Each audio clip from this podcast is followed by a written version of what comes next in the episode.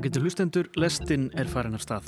Leiðarlýsing dagsins er svóljóðandi Grammys drottningin Beyoncé, mistök og þrývíð myndlist og nýtt lag með hljómsveitinni Flott.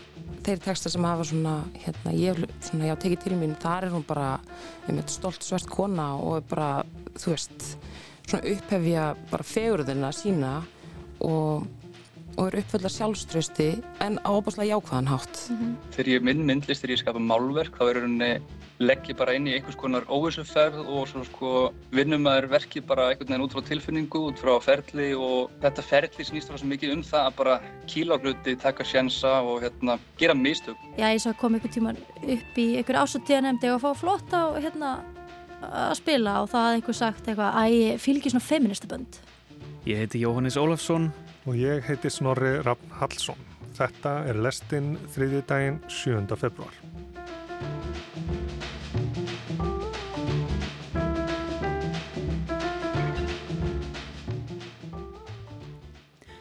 Við hefjum ferðalægið á tónlist og höldum til bandaríkjana.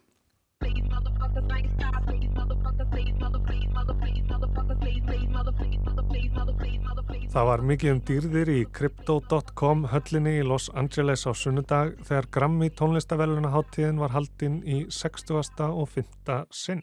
Þar var einn verlunaflokkur af 91 sem vakti einna mesta aðegli. Ekki þó flokkurinn í sjálfu sér heldur svo staðreind að tónlistarkonan Beyoncé varð með þeim nýr Grammy metafi. Okay. Well... This is an honor. As we are witnessing history tonight, breaking the record for the most Grammy wins of all time. Be upstanding and show your respect. It's Renaissance, Beyoncé. Þegar hún tók við velunum fyrir bestu dans- eða ráftónlistarplötu ársins fyrir plötuna Renaissance Hún var meir þegar hún tók á móti velununum. I'm trying not to be too emotional. And I'm trying to just receive this night.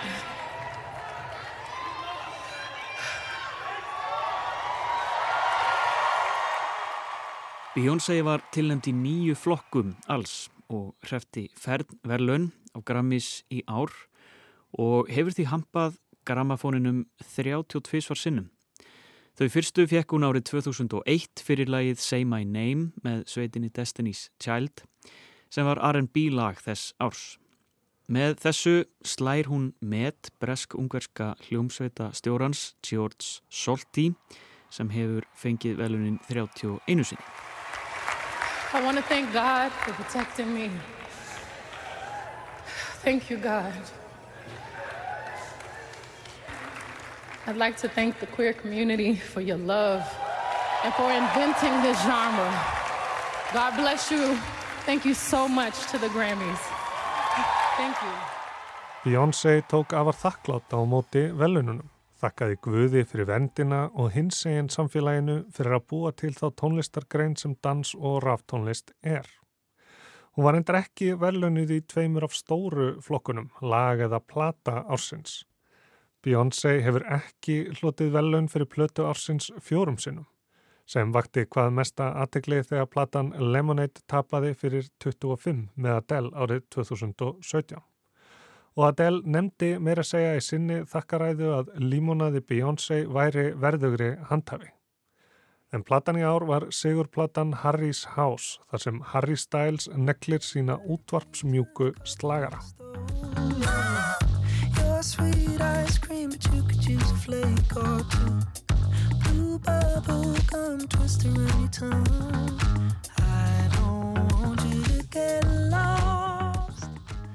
Lag ársins á Grammys var heldur ekki með Beyoncé, heldur gömlu góðu blues söngkonunni Bonnie Wright sem gaf út sína ádjóndu hljóðversplötu Just Like That í fyrra og uppskar svona líka vel.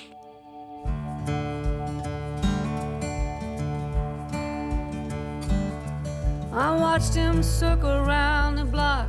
He finally stopped at mine.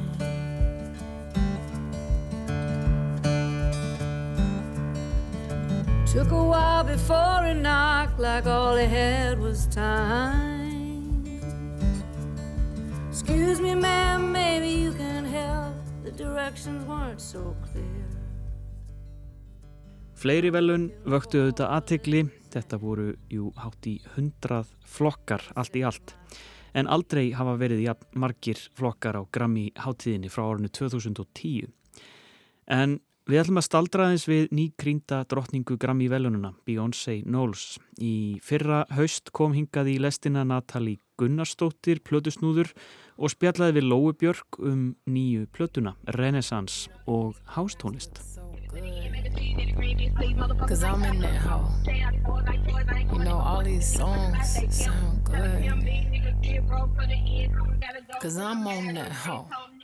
Já, þessi plata kemur út og önnu hver grein sem er skrifuð um önnu hver svona tónlistakagrinni um Renaissance fjallar um það að Beyoncé sé að uh, gera hástónlist, danstónlist, hátundur höfði og þessi stefna sé að eitthvað svona comeback inn í mainstreamið. Mm -hmm. uh, þú erst búin að hlusta plötuna. Já. Hvernig finnst þér henni takast til? Gerur hún þessari stefnu góð skil? Já, algjörlega. Ég verði að segja að þetta komir á óvart en sko kannski ekki, ó, eða þú veist, þetta er Beyoncé en ég gef henni risastort priggi klattan fyrir fólki sem hún velur sér til að vinna með af því að eins og ég segi, hún hefði örglega geta valið hvert sem er í heiminum. Hún fer í danstónlistar producenta, hún verður Luke Solomon og Honey Dijon og þau eru bara í svona frekar svona þjættir senu, þú veist, þau eru ekkert í rosa útbreytir senu þannig, þú veist, þetta er klúpasena, en þú þarfst svolítið að vita hvað fólk, eða svona hlusta mikið til að vita hvað fólk þetta er. En Luke Solomon er búin að vera starfandi síðan bara, en gaf þetta sína fyrstu smáskiföldi 98 og búin að vera að koma að bara mjög mörgum verkefnir síðan og Honey Dijon er bara eina svona flottustu DJ-unum og producentunum í dag. En þú veist, þau eru öll að vinna með að spila í Berlín spila okkur cool klubum í, þú veist New York, Chicago, bla, þú veist, þau eru bara frekar cool týpur. Og þau koma að þessum lögum og það bara, það heyrist þú veist, þetta eru bara geggi lög. Mm -hmm. þetta er mjög flott, mjög vel gert sko. Please do not be alarmed, The DJ booth is conducting a tr tr troubleshoot test of the entire system. Og þetta lag, Alien Superstar, hvað tekur eftir í, í þessu lagi? Sko bara strax uh, upphafssetningarnar þar sem að hérna, það er maður að lesa inn og þá þú hérna, semst, já ég hlust á lagi og það er maður að tala og ég alveg býtu, wow, ég kannast við þessa rödd og, og hérna þessa setningar en þá er það sem sagt uh, búið að taka sampl úr lagi sem heitir Moonraker sem að Foremost Poets gerir sem er svona, sem er bara klúpa banger, þú veist, það er undir, eða svona klúpa senan það þekki hann allir sem hafa stund að klúpa uh, og hlusta danstónlist en það lag kemur út 1998 og ég bara, ef þið er ekki búin að hlusta á þetta í Guðanabænum drífið ykkur, hérna Moonraker og sem svona vitnusspurður um að vera að fara inn í eitthvað svona lokaða senu, þú veist, þá er hann partur af Chicago uh, hússenunni en það er ekkert kannski margir sem að þekkja hann út fyrir það, þú veist. Þannig að Björnsvei hefur verið að grafa. Já, um, og sömulegist fólki sem er að vinna með henni og hún líka bara samþykir, þú veist, er til í þetta, segir mig það að uh, bara sem tónlistakona að hún er bara greinilega til í að opna á alls konar og opna á alls konar einhvern veginn mm -hmm. tónlistastefnur og, og er bara opinn, sko. Mér finnst þetta mjög flott. Masterpiece genius, drip trippiness Patty cake on there is Tiffany blue billboards over that ceiling We don't like plain, always dreamed of paper planes Mile high when I rodeo, then I come down and take off again You see pleasure in my glare Look over my shoulder and you ain't scared The effects you have on me when you stare Head on a pillow, hike it in the air I feel like falling in love I'm in the mood to fuck something up. Tonight I'm fucking something. I need some drink in my cup. Hey, I'm in the mood to fuck something up. I'm in the mood to fuck I wanna go missing. I need a prescription. I wanna go higher. Can I sit on top of you? Sko, Beyoncé gerir Lemonade 2016 og þá setur hún í einhvern veginn forgrunn á plötunni bara reynslu sína sem svört kona í bandaríkjónum og bara þá reynslu almennt og svo er þessi tónlistastefna uh, hástónlist kemur úr uh, frá Chicago bendlu vinnan klub Warehouse þar sem konahópurinn og DJ-nir voru svartir, samkynniðir bandaríkjumenn og, og svo Puerto Rico í New York hann er svona eitthvað rót tónlistarinnar. Og hún ákveður að að setja þetta í fórgrunn og, og vinnu með þannig listamönnum. Finnst þér hún verið eitthvað neina að halda áfram með eitthvað sem, eitthvað vekkferð sem hún hóf 2016 í gegnum tónlistina, stækka á þetta Mjögulega, þetta er samt svolítið ólíka plötur að því með, hún var Já. eitthvað svolítið svona brotinn í Lemonade og eitthvað svolítið brjáluð og eða svona reyðari og var ekki eitthvað Jaycee búin að vera halda framhjá. halda framhjá og það var bara öðru í svo orka í plötunni. Mm -hmm. Það var sorg og uppgjör og Já, svona. já, mm -hmm. og meðan allavega í þess, það sem ég svona, þeir texta sem hafa svona, hérna, ég svona, já, tekið til mín, þar er hún bara einmitt stolt svert kona og bara, þú veist, svona upphefja bara fegurðina sína og, og er uppfölda sjálfströsti en á óbúslega jákvæðan hátt mm -hmm. af því að það er alveg allt í lagi að vera með ego, þú veist, og það er allt í lagi að vera með sjálfströst, en hún verist vera líka með svona eitthvað svona sjálfskærleika uh, inn í þessari blöndu sko þannig að það er alveg bara, bara gaman að hlusta á þetta sko og heimitt gaman að heyra hvað hún er bara ána með sjálfa sig á mjög jákvæðan máta mm -hmm. Þannig að hérna en já hún er svona og svona mikil kynþokki. Bara eila drýpur af henni kynþokkin sko. Og hún er meðvituð um það. Og mér er líka bara svo geggjað að heyra konu verið að segja bara já ég er bara geggjuð og hvað með það þú veist? Mm -hmm. og einmitt nákvæmlega þú ert bara geggjuð þú veist. Hún er Beyoncé og ef eitthvað má bara standa þarna og segja það þá er það hún sko I pull up in these clothes, look so good. Cause I'm in that hoe. You know all these songs sound good. Cause I'm on that hoe. Dead ass.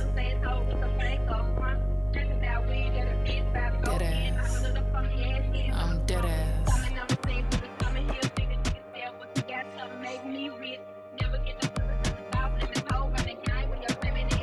not the diamonds.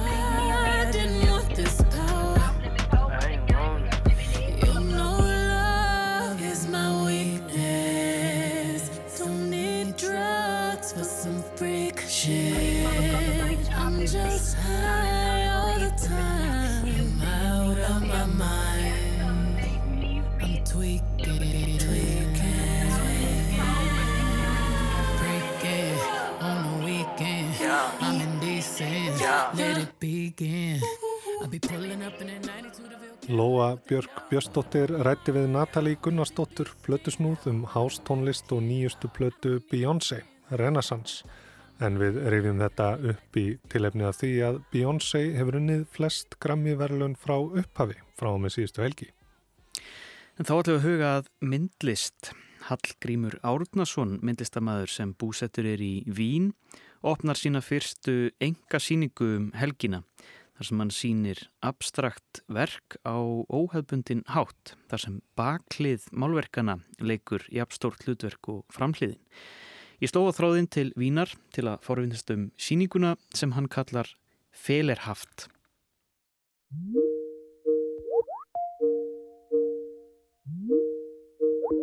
Blessaður, heyrir í mér? Blessaður, já, ég heyri þér. hvernig er hljóðið? Heyrðum þú verið batterislus, var ég að fatta. Já, heyrðu, þetta er bara fínasta hljóð.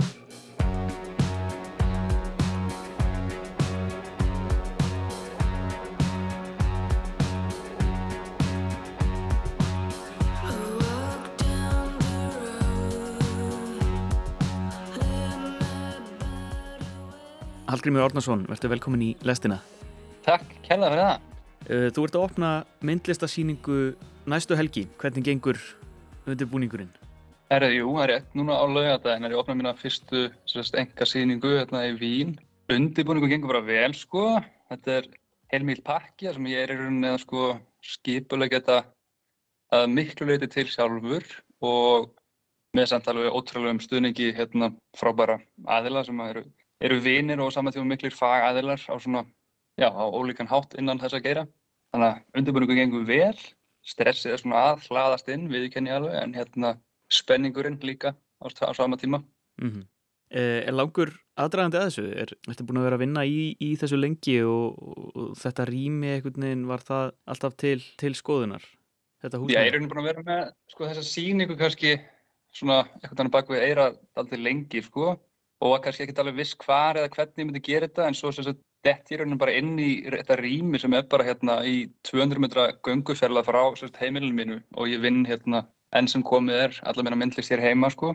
Og hérna enda inn í þessu rými fyrir einhverja tilviljun og, og byrja bara strax samtal við þess að það fólk sem stendur á baku þetta rými og, og einhvern veginn kolfell bara fyrir því. Og ég er núna sennilega ætla að segja svona átta mánuði síðan ég átti svona minn fyrsta fund með þeim og til til að fljótt varð bara einhvern veginn alvöru samtal úr því og einhvern veginn upp úr því hófst bara þetta ferli einhvern veginn að plana þetta og, og svo í gegnum bara einhvern veginn síðustu mánuði hafa svona fleiri og fleiri aðra komið inn í þetta dæmi og, og þetta er einhvern veginn orðið talsveit stærra batteri heldur en ég hafði ætlað mér uppalega sko og sem er samt bara algjörlega frábært af því þetta er einhvern veginn orðið einhverju fyrirbæri sem að hérna ég er bara rosalega spenntur að, að opinbera sko. En uh, þetta er fyrsta enga sýningið þín uh, og þú talar um að það er svona smá spenna í loftinu. Hva, hvað ertu búin að vera að vinna svona fram að því? Hvernig er vínar listalífið búið að vera fram að því? Sko, ég hérna var, síðasta ár var bara gott og skemmtilegt sko. Ég var hérna hluti af sérst hópsýningu hjá einum hérna, er einu gestur á engarsýningu professors uh, úr akademíunni, listakademíunni hérna í Vín sem ég sérst er hluti af. Það voru þrjú að sína og, og það var hérna rosa flott viðkenning og, og kynning í rauninni bara sem slík. Svo var hérna flott síning í sagt, uh, Íslenska sendiræðinu þar sem að fullt af uh, frábærum frá, frábæru listafólki kom hérna frá Íslandi sérstaklega til að taka þátt og, og sína og, og hérna ja, sína verk og sína lit. Það var, var frábæra viðkenningar að fá hérna bóð að vera með í þeim síningum og eitthvað alveg kannski ákveður svona ekobúst sem að maður þarf í þessum svona sjálfsefa sem að ég held að fylgi öllum sem að eru að vinna í einhverju svona skapandi. Svo er maður bara að reyna að vinna með þetta ekobúst og, og, og keira hlutin áfram og, og hérna reyna að samfæra sér dælega um að þetta komi til með að virka og verða flott og ég er alveg viss um það að þessi síning verði mjög flott og hérna og þó að auðvitað hérna laumist alltaf einhvers hérna evi inn af og til þá er í rauninni samfæringins líka ég er bara ótrúlega spettur sko að, að opinberið allt saman.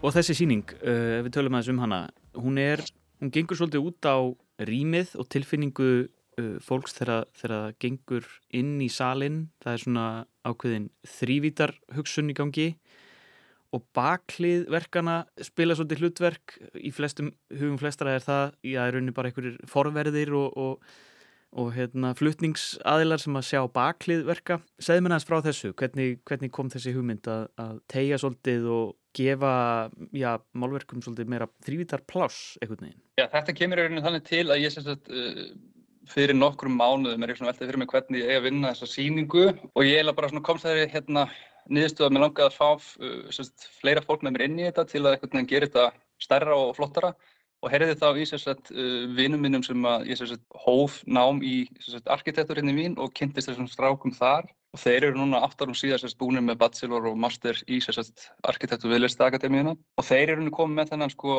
þrýviðar rýmis sko, vingil inn í þetta. Og það var rosalega skemmtileg samtal bara sem að fór strax í gang þar einhvern veginn með það einhvern veginn að hérna, að málverk er náttúrulega ekki bara framhlið, það er, miklu meira en það, þetta er þrýfitt fyrirbæri og ákveðið það bara frekar snemma að það væri bara gaman að, að sko líta á málverki sem þrýfiðan hlut frekar en tvífiðan og kýla á það og bara reyninni fagna því og gera sem mest úr þeirri upplifun. Og núna er það reyninni þannig að þegar maður lappar inn í síninguna þá að taka móti er sko 11 misstór en öll mjög stór málverk sem að reyninni snúa baki þig sko sýningin er líka þannig sett upp að það er mjög í rauninni dimmt inn í, í rýminu og við erum búin að vera svona að vinna að og þróa sagt, hvernig við lýsum upp sýninguna þar sem það er í rauninni mjög nýttmiðar lýsingar á hverju verki fyrir sig þar sem þú lappar í rauninni inn í einhvers konar sko undarlegan heim þar sem að að mótið að taka einhver fyrirbæri sem að eru jú málverk en einhvern veginn sér þau bara bakliðina og þú lappar inn og einhvern veginn er sérstaklega hugmyndin svo að, að maður lappið þarna inn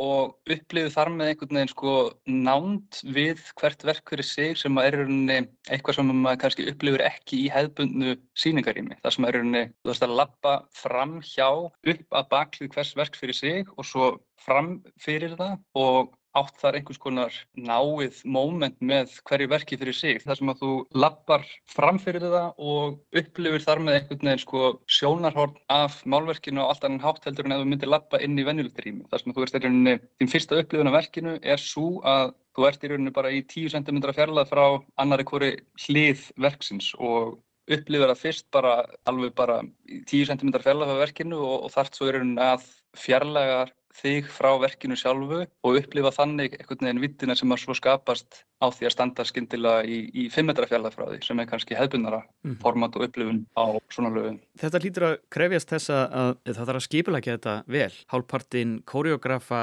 innkomuna, ekki bara lappa inn og, og horfa til vekkjana.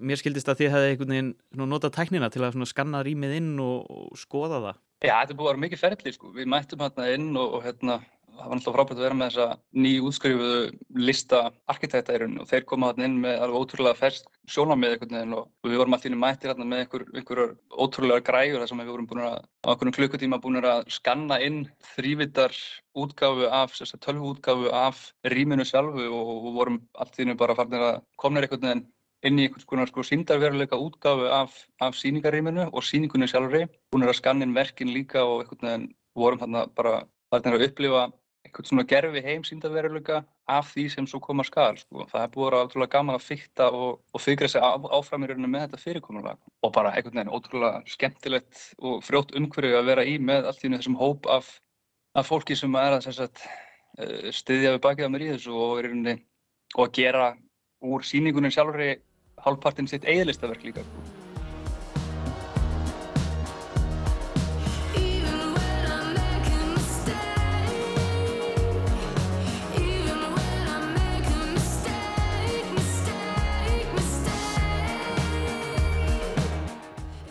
Ef við stöldrum aðeins við þetta nafn á, á síningunni, Feilerhaft, uh, lístu þess aðeins, útskýra þetta aðeins fyrir mér.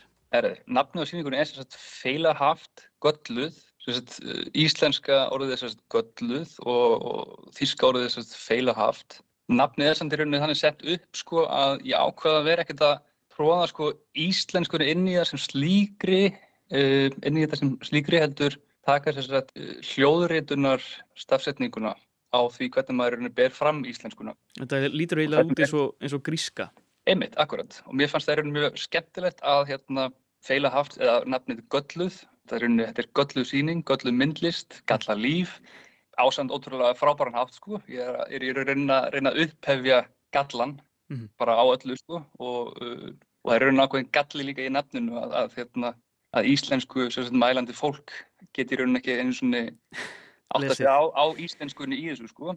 En einmitt, já, nafnið feilahaft. Þetta er rauninni snýsóldið að því að sko, að myndlistin mín allavega, og ég hugsa að alveg margir sem að tengi við það sem að geri, já, list, saman hvort það sé tónlist eða myndlist eða hvað það nú svo sem getur verið. Að maður ekkert nefn kannski lærir með reynslunni og að gallar og kannski mistök, þetta kannski snýst meira að, að sko mistökum og hérna, og það er rauninni sko feilahaft, fyrir hlutu orðsins feila úr feilin haft því rauninni mistök og hérna, snýr svolítið að því bara að, að þegar ég minn myndlist, þegar ég skapa málverk, þá er rauninni leggja bara inn í einhvers konar óvissuferð og svo sko vinnum maður verki bara einhvern veginn út frá tilfinningu, út frá ferli og þetta ferli snýst frá svo mikið um það að bara kíla á hluti, taka sjensa og hérna gera mistöku einmitt og, og það er ótrúlega oft þannig að maður er einhvern veginn sko kannski búin að vera að vinna í nokkra, nokkra vikur eða eitthvað mánuði eða einhverju verki og það er svo að taka einhverja sjensa með það bara hreinlega til að sko hleypa einhverju nýri orku inn í það og opna það svolítið upp á nýtt fyrir sér sko. Mhm. Að maður kannski tekur á skarið og, og, og fær svo alveg bara uff, almatvöð minn, nú er ég búin að gjörsamlega klúðra þessu verki, hvað gerir ég úr þessu? Og svona til að byrja með var þetta rosalega erfitt sko fyrir mig einhvern veginn að upplifa þessu moment og, og hérna lýsandi er einhvern veginn það að veist, kærasta mín kom oft heim hérna þar sem ég var kannski alveg bara alveg bara niður brotin einhvern veginn búin að alveg sko bara, ó, ég er búin að skemma búin að skemma þetta verk, ég er búin að vera að vinna svo lengi ég er búin að skemma það, svona að rústa því Mm. svo einhvern veginn sko með tímanum á reynslunni þá er þetta búin að snúast upp í það sko og hún kemur heim og, og nú er orðið þannig að hún kemur heim og ég er alveg skælbrósandi sko alveg bara alveg í skíunum og hún sko spyr mér hvað hérna, hvað hvað er gjörsamlega rústað þessu verki og veginn, og tilfinningin er orðin slík sko að, að þessi sko, ég ætla ekki að segja bruna rúst, en, en sagt þetta, þetta klúður sem að þessi mistök sem eigir hérna stað sko séu þá einhvern veginn sko bara nákvæmlega það sem að þetta málverk þurfti og einhvern veginn, og maður er einhvern veginn komin á þann stað í þessu ferli að maður er farin að fagna þessum mistökum sko, ég er alveg sko bara, ég er orðin sjúkur í að klúðra verkum sko, Mm. það einhvern veginn er oft það besta sem getur gerst fyrst mér sko.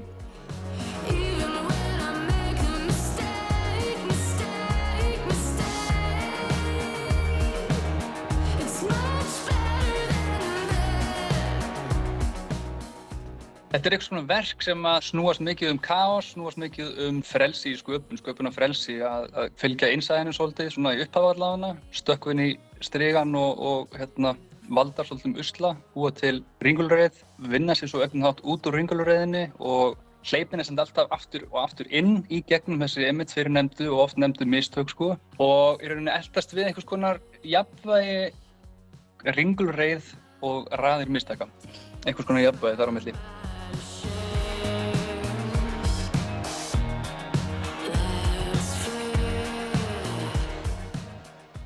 Það eru, opnunin verður bara svona frekar hefðbundin. Það er rauninni bara opna 5 og stendur rauninni formulega eftir 10 og þar bara reikna ég með fullt af fólki. Ég er búinn að auðlýsa þetta vel og kom mér í, í hérna, hinna á þessa fjölmiðla hérna úti líka.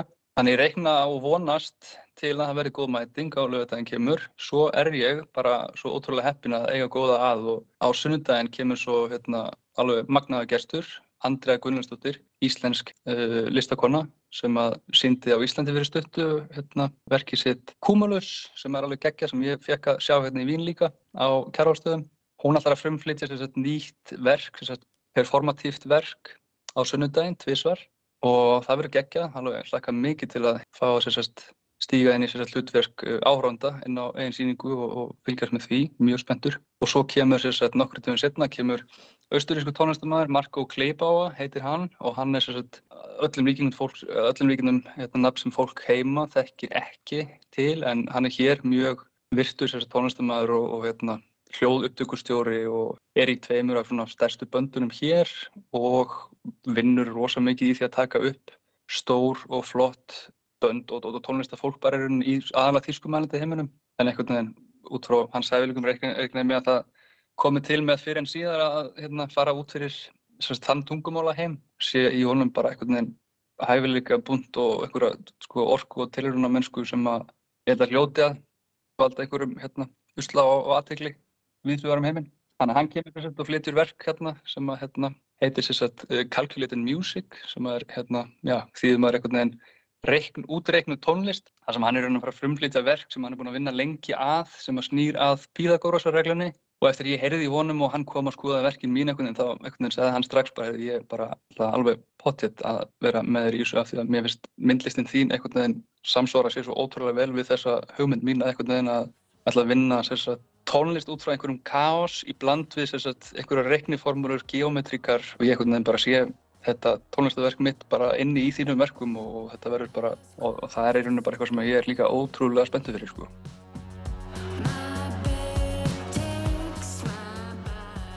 Na, það eru spennandi tímar framöndan, uh, helgin verður, verður spennandi og ef uh, svo vil til að hlustendur eru stattir í, í vín eða í nágrinni þá, þá uh, hvetjum við bara fólk til þess að gera sér ferð og skoða, skoða þessa síningu.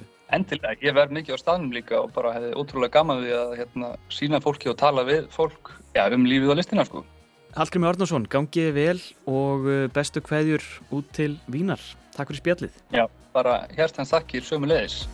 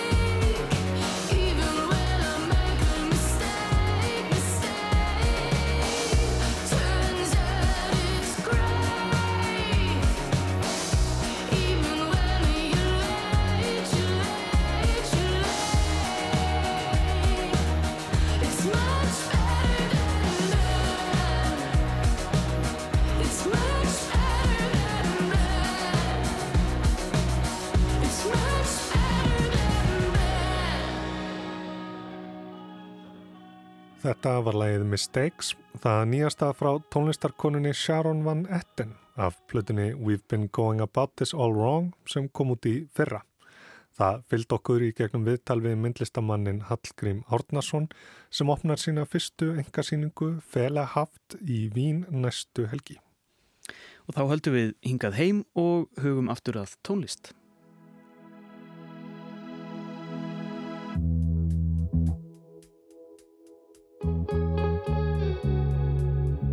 Hljómsveitin Flott sem skaust fram á sjónasviði í áramótasköpunu 2021 með læginu Ef þú hugsar eins og ég sendi á dögunum frá sér nýtt lag, Hún ognar mér. En því fylgir afar áhugavert og stjörnumbreytt tónlistamindband. Flott skipa Vigdís Hafleðadóttir söngkona, Ragnhildur Vegarsdóttir hljómbósleikari, Silvíja Spilaert bassalegari, Solrún Mjöll Kjartansdóttir trommuleikari og Eirún Engilbertsdóttir gítalegari. Ógnar mér sem ógnar henni, sem ógnar henni, sem ógnar þér sem ógnar henni, sem ógnar henni, sem ógnar mér Hún ógnar mér, svífandi og grípandi poplag ræðst ekki á gardin þar sem hann er lægstur. Tekur á stóru málunum. Tilneyingu til að etja konum saman stillaðum upp hverri á móti annari. Í myndbandinu er hljómsveitin umkringd konum í því sem verast vera læknasloppar. Og þetta er ekki bara hvaða konur sem er, heldur konur sem hafa náð langt hver á sínu sviði. Þetta Falag, Salkasól, Þurriður, Blær og ég væri allan dag að telja þær allar upp lustendur til afsakið. Þegar líður á myndbandið sjást þær keppa í ymsum greinum, nefaleikum, skilmingum, kökuskreitingum og kappátti. Þær eru innbeittar og harðskiptar. En undir lokin tekur leikgleðin völdin, keppniskapið víkur fyrir gleðinni, það er parti, slopparnir fá að fjúka og það er dansa. og til að hrífa aðra þarf ég þá að klífa langhæst vera betri og meiri því Til að segja frá læginu og myndbandinu er hinga komin Vigdís Hafleðadóttir, grínisti og söngkona hljómsutarinnar og Þura Stína Kristlefsdóttir, Reykjavíkudóttir og leikstjóri myndbandsins er á línunni allarleið frá Ítalíu. Verið velkomnar. Takk fyrir. Takk fyrir. Ef við byrjum á þér Vigdís, þarf ég að rýfa eina niður til að hýfa mig upp syngurðu áður en viðlægið hefst. Er þetta svona?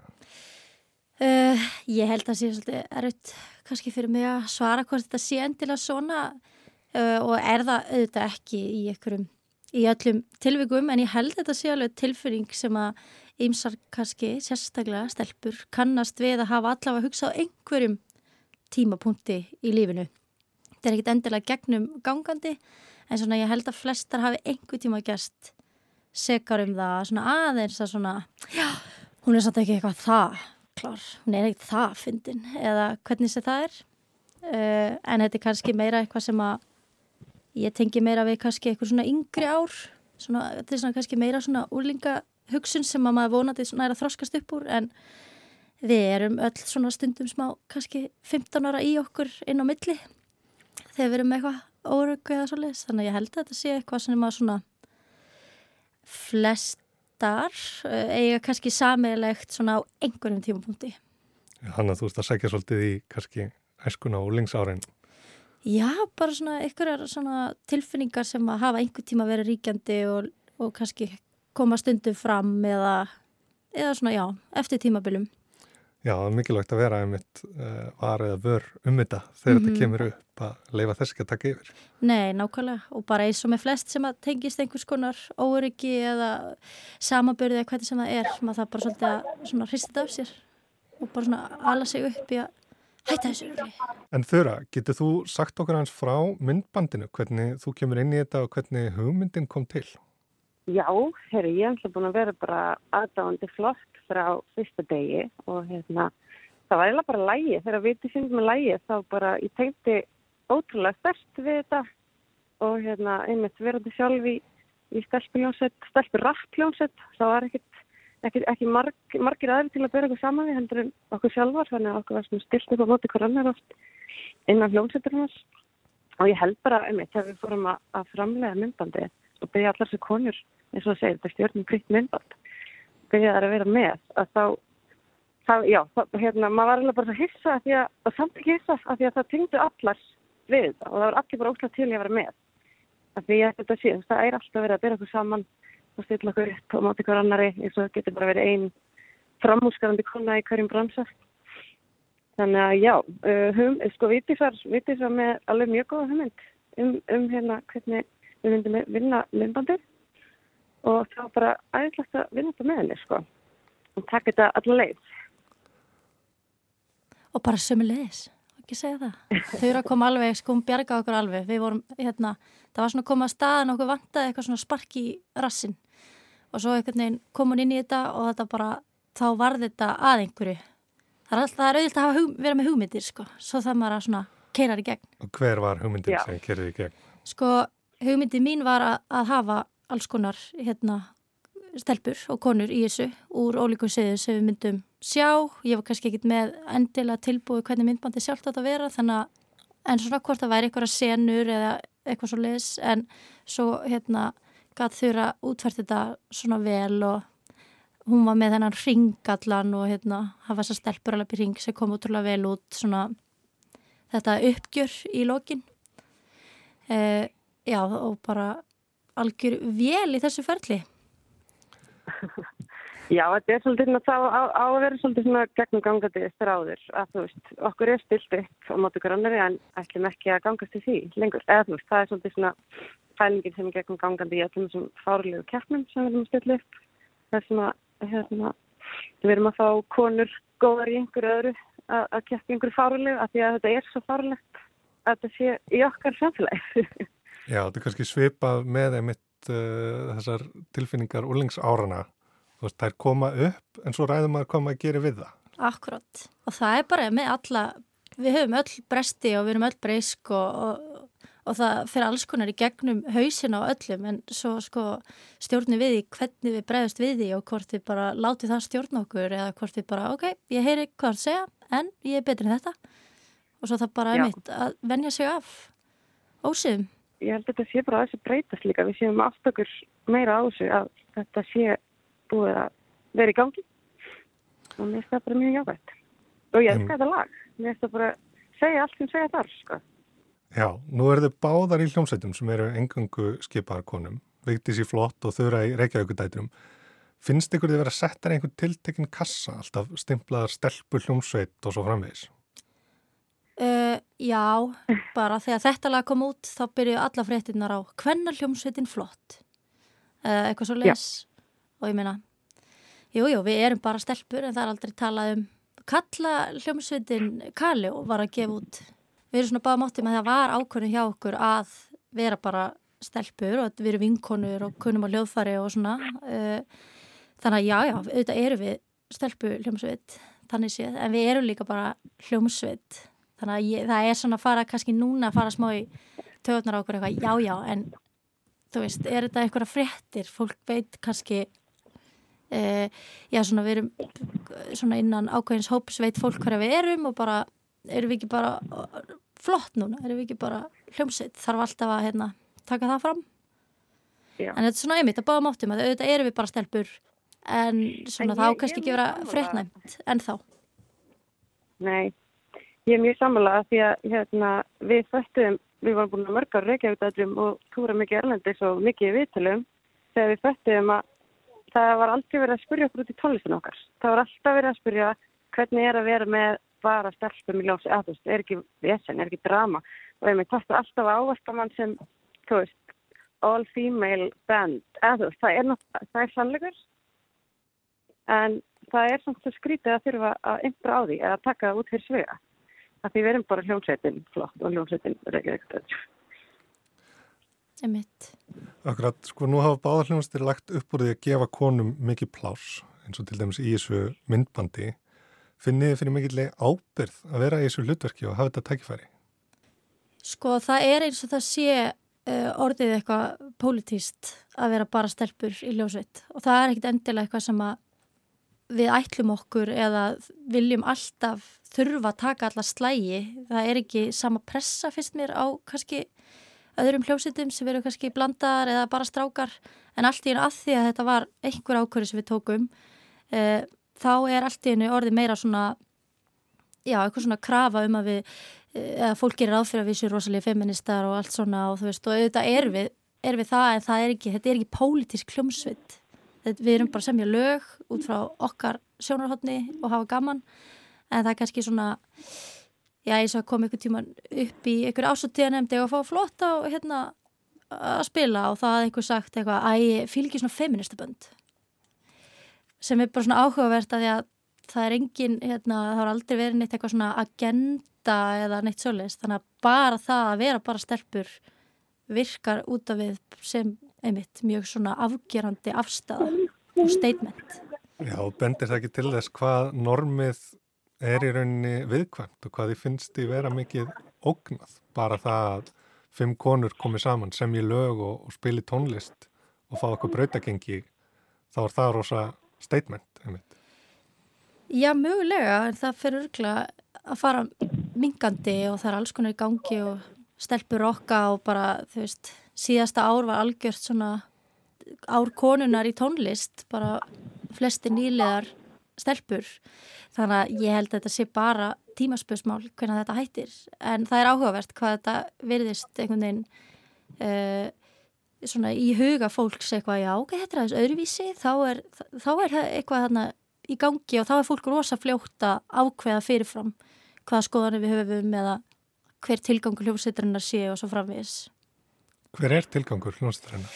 Já, sko, að hafa gaman er alveg stór hluti og auðvitað bara semja lög og auðvitað vorum við með þetta um það við vildum vera stelpur líka bara til að gera hluti bara okkar forsendum. Við erum bara að semja lög sem að kannski við tengjum við og það var eitt sem kom, við vorum með forsýningu, ungu strákur sem að segja eitthvað, vá, bara takk fyrir að semja lag sem er svona, þú veist, bara út frá þínu sjónarhóðni og ykkar sjónarhóðni að það er ekkit allir sem tengja við þetta endilega en svona það er gaman að fá inn lög og poplög sem eru bara, þetta er bara okkar reynsluheimur, bara hvernig er að vera uh, einhleip uh, 24 ára stelpa í Reykjavík eða hvernig sem það er. Og uh, já, þannig að svona þetta er það sko að gera hluti okkar fórsendum og frá okkar sjónarhörni og við höfum líka vilja að sína stelpur sem hljóðfæra leikara og bara veist, það eru stelpur sem kunna á gítar og bassa og þó sérst ekki búin að æfa í 15 ár og verið í 14 hljómsveitum þá getur þú samt stopna hljómsveit og spila á sviði og tekið upp. Það er oft húmor undir niðri í lögunum. Finnst þér það hjálpa til við að ná utanum hlutina?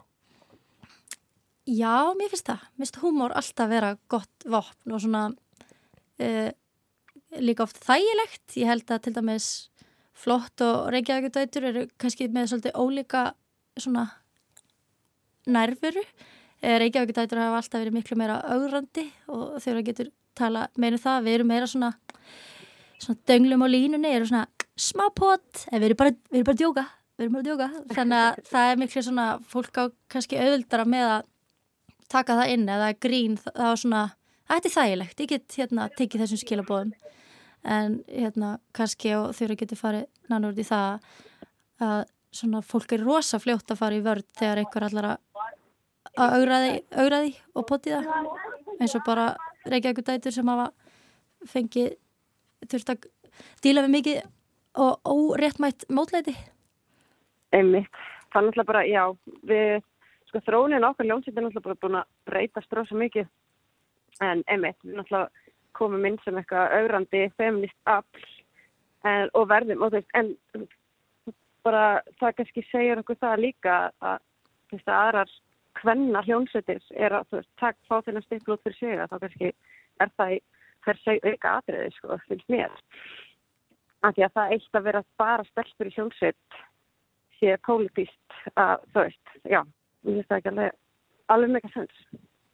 En ef þetta er kannski eitthvað að breytast, við erum að sjá miklu fleiri söngkonur og, og, og tónlistakonur og það er bara jákvægt og geggjað.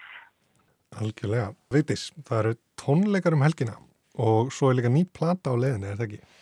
Uh, sko, tónleikarnir er alltaf nær í tíma. Platan er svona eilifverkefni sem er alltaf í vinslu og okkur langar að ná en gengur stundir svolítið hægt. En hún er alltaf í vinslu.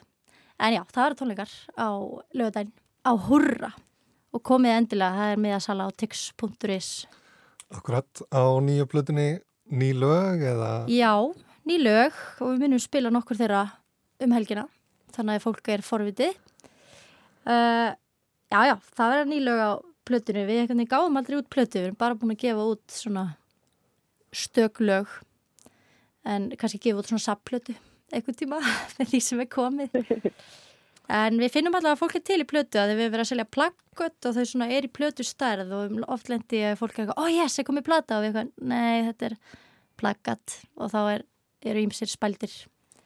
Það kemur á þessu. Já, við kvetjum þá sem vilja heyra nýju lögin að kíkja á tónleikana og hurra á lögadaginn Kæra þakkir fyrir komuna, Vittis Haflegadóttir, söngkona hljómsveitarinnar Flott sem var að senda frá sér nýtt lag og Þura Stína Kristlefsdóttir, leikstjóri myndbandsins. Eða við ekki bara heyra lagið? Jú, heyrum lagið.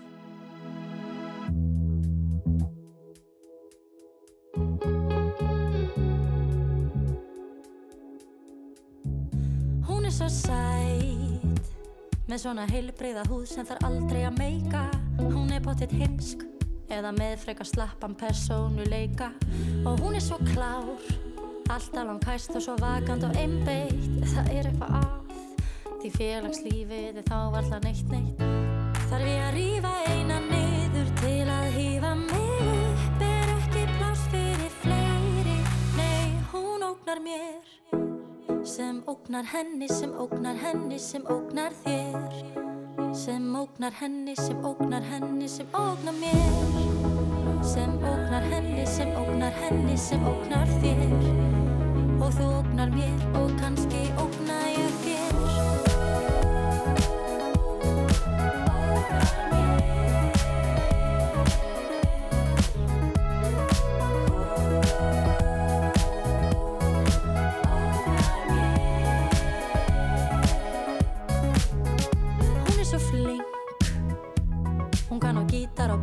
strákarnir fíla. Að ég hef nú heyrt að það sé svolítið erfitt við hana að díla. Og hún er svo snjöll allir lusta og hlæja þegar hún opnar munnin en eftir tvö ár verður fræðarsól hennar eflaust úr brunnin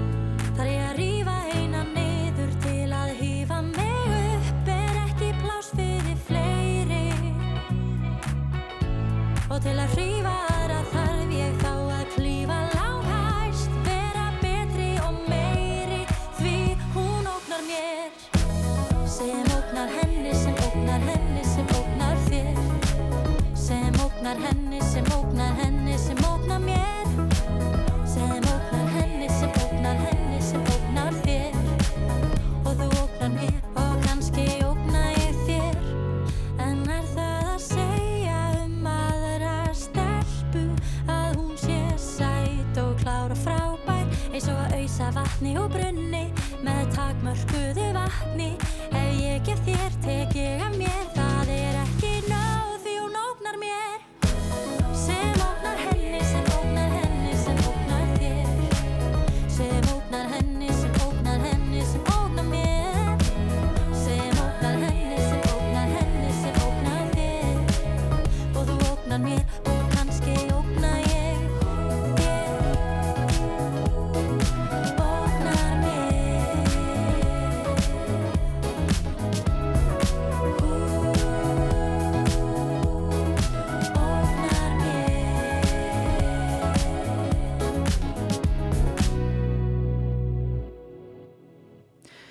Já, hljómsveitin flott með sitt splungunýja lag, hún ógnar mér. Við rættum við Vigdísi Hafleðadóttur, söngkonu sveitarinnar og Þuru Stínu Kristlefsdóttur, leikstjóra myndbandsins sem fyldi útgáfinni.